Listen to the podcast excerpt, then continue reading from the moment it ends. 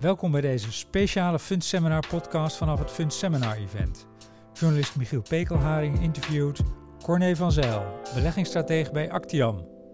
Corné, we hebben een prachtig jaar gehad op de beurs. Ik kan me voorstellen dat er al heel veel aan jou gevraagd voor 2022. Wat gaat dat ons brengen? Durf je daaraan te branden? Um, nou, het jaar is nog niet voorbij, dus we gaan eerst kijken hoe 2021 afloopt. Maar tot op heden is het natuurlijk een prachtig jaar geweest. En het, het aardige is ook als je gaat kijken dat de onderliggende winststijging is uh, uh, groter geweest dan de onderliggende koersstijging. Dus dat geeft aan dat er wat potentie is. Maar het is wel een gat wat we nu aan het opvullen zijn, wat vorig jaar in 2020 geslagen is. Nou, als je gaat kijken dus naar 2022, dan moet je dus echt vooral kijken van hoe de economische ontwikkelingen zijn. En, en hier en daar zie je dus wel wat haarscheurtjes, met name vanuit China, dat je je wat zorgen kan maken. Um, dus de economische ontwikkeling is heel erg belangrijk. En die winststijging zoals we dit jaar hebben gezien, nou, is het mooiste in de afgelopen decennia geweest. Dus uh, mooier dat dit ga je het niet krijgen. Maar het kan best wel doorgaan. Uh, en een van de belangrijkste redenen voor die winststijging is de inflatieontwikkeling. Uh, want simpelweg, hoe meer inflatie je hebt, stel je hebt 10% uh, inflatie, dan heb je dus 10% omzetstijging. En dan ga je winst ook met 10%, of dan ga je uh, inputkosten ook met 10% omhoog. En dan haal je vanzelf 10% meer winst over. Dus inflatie is in principe heel goed voor de winstontwikkeling en dus voor de koersontwikkeling. En het lijkt erop alsof dat nog wel eventjes doorzet. Ja, ik geloof ook wel dat al die inflatie tijdelijk is. Maar die tijdelijkheid duurt toch een heel stuk langer dan menig centrale bankier gedacht heeft. En dat is in principe een, een duidelijke plus voor, uh, voor bedrijven. En dat zal nog wel eventjes doorgaan. Ja, en de laatste factor is natuurlijk de rente. En dat is wel heel erg spannend. De grote vraag voor 22, 2022 ja. zal zijn van... Hè, we denken al jarenlang van nou, een keer moet die rente gaan stijgen. Gaat dat in 2022 gebeuren?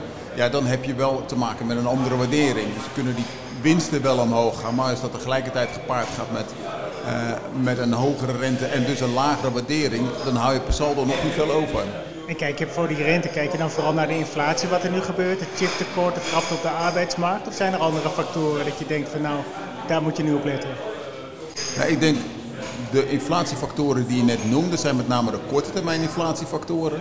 Ik denk voor de lange termijn inflatiefactoren dat dat veel belangrijker is voor de rente. En dan, uh, dat kan je al meten aan, aan de curves, 5 jaar, 5 jaar forward zie je. En die loopt echt wel op in de Verenigde Staten en ook in Europa. En daarbij krijg je nog een component voor bijvoorbeeld de wooninflatie. Die zit niet in de, in de Europese inflatie, maar wel in de Verenigde Staten. Die zie je nu heel snel toenemen, wat ook logisch is. Hè. Die, die woningenprijzen stijgen dan ook. En dat is een veel meer structureel deel van de inflatie. En het belangrijkste is natuurlijk of de lonen uiteindelijk omhoog gaat. En op dit moment lijkt dat nog heel erg beperkt, maar het kan wel gaan komen. En als dat inderdaad gaat komen, dat zal het een moment zijn dat centrale bankiers echt op de rem moeten gaan stappen, anders ga je naar de hyperinflatie toe. Maar voorlopig is dat nog het geval niet, dus ik, ik zit nog steeds in het, in het kamp uh, transitory, om het maar zo te noemen. Dus dat de inflatiepiek die we nu zien, dat die tijdelijk is. Ja, en je noemde zelf al even wat strubbelingen vanuit China. Is dat eigenlijk ook niet een van de verhalen van 2021? We hebben de Evergiven gehad, we hebben nu Evergrande. Dit, er is altijd wel eigenlijk iets wat uit China komt. Wel vroeger, als er iets gebeurde, komt dat uit de VS. Ja, nou is het wel zo dat de VS nog steeds by far belangrijkste is voor de wereldeconomie en voor, uh, voor de beurzen. 58% van de MCO World is de US. Dus dat is wat dat betreft een veel belangrijkere factor. Maar voor de totale wereldeconomie is China wel een hele belangrijke factor. En je ziet daar uh, natuurlijk door de toegenomen regelgeving en de druk vanuit de Chinese overheid dat daar wel wat gaat gebeuren.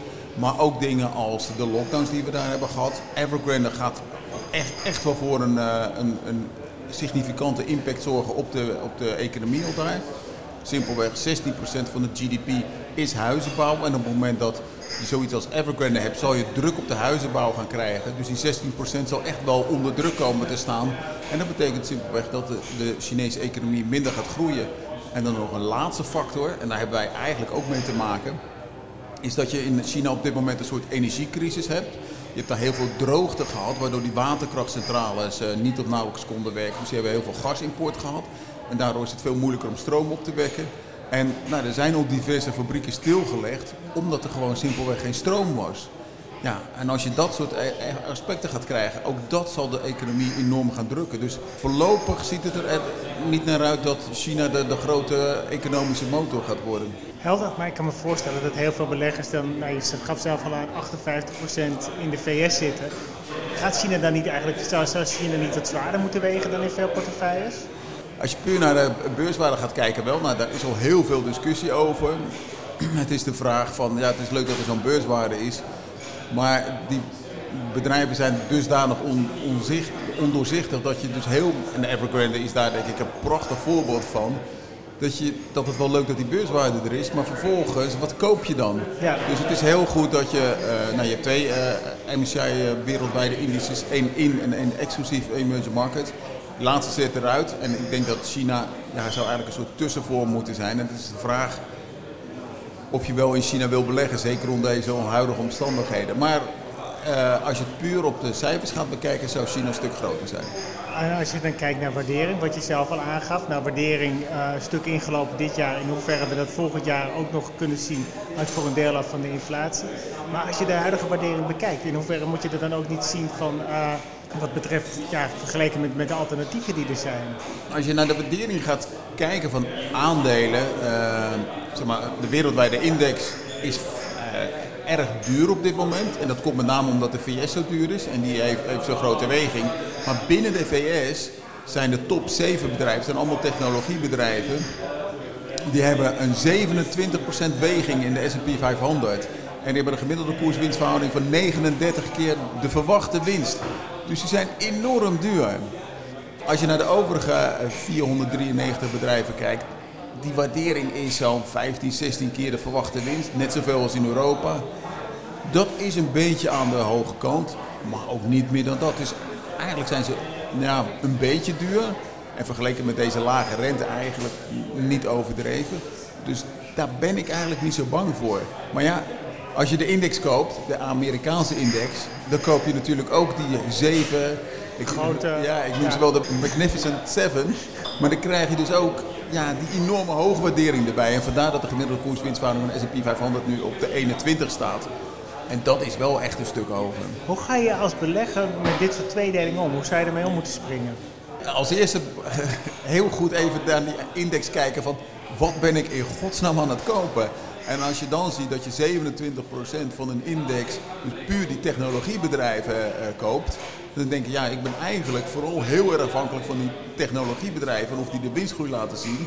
En daar moet je ook bij bedenken dat die uh, technologiebedrijven vanwege die extreem hoge groei en die hoge waardering ook veel rentegevoeliger zijn. Dus als die rentes gaat stijgen vol, volgend jaar, zullen dit soort bedrijven de klappen krijgen. En ga je dus op indexniveau dat best wel merken.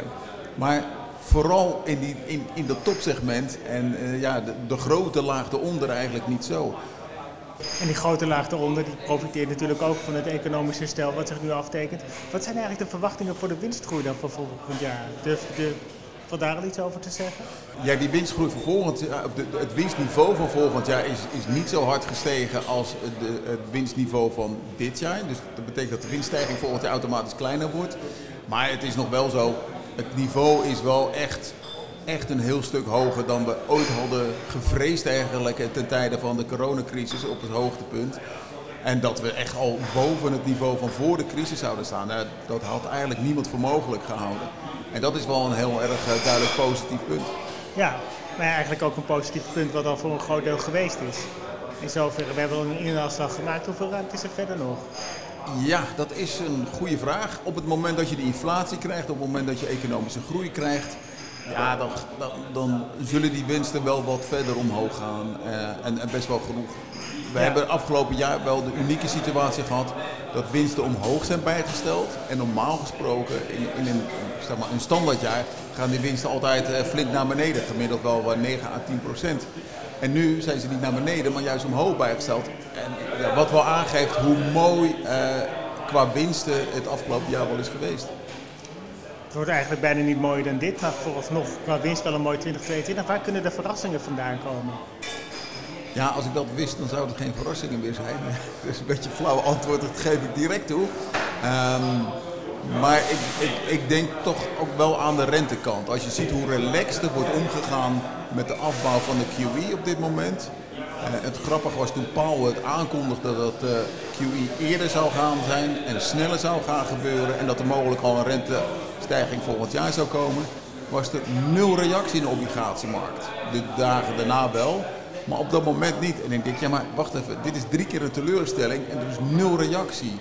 Dat is wel vreemd. Dus als je gaat kijken waar, waar iedereen zit, die is erg relaxed over een mogelijke uh, rentestijging. Dan denk ik dat daar wel eens de verrassing zou kunnen zitten. Vaak ook van die momenten dat als het opeens in beeld komt, dan komt het groot in beeld. Ja, en dan duikt iedereen over elkaar heen. Hetzelfde als de kredietcrisis die volgens mij al een jaar sudderde voordat die opeens tot uitbarsting kwam. Ja, dat is ook een mooi voorbeeld. En zijn er ook positieve verrassingen? Nou, de rentestijging heb ik geen positieve verrassing. Want er gaat en obligaties per definitie naar beneden met een 100% zekerheid.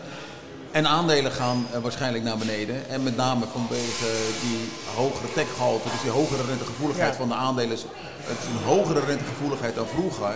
Zullen ook aandelen nu harder daarop reageren. Maar zijn er ook zaken die positief kunnen verrassen? Die de beurs eigenlijk nog een extra, extra boost kunnen geven? Ja, wat, wat een positieve stimulans zou kunnen zijn, is toch meer fiscale stimulans dan waar we nu op rekenen dat uh, de impact van het EU Recovery Fund en van uh, Biden's bills toch uh, positief zal zijn op de economie. En dat de rente daardoor dan een beetje achterblijft en niet gelijk omhoog gaat. In zo'n combinatie zou het echt een, een ja, het positieve scenario zijn ten opzichte van wat je zou mogen verwachten. Nou, dat lijkt me een heel mooi vooruitzicht als afsluiting van deze podcast. Dankjewel Corné van Zel. Dankjewel. Bedankt voor het luisteren naar deze speciale Fundseminar podcast. Graag tot ziens.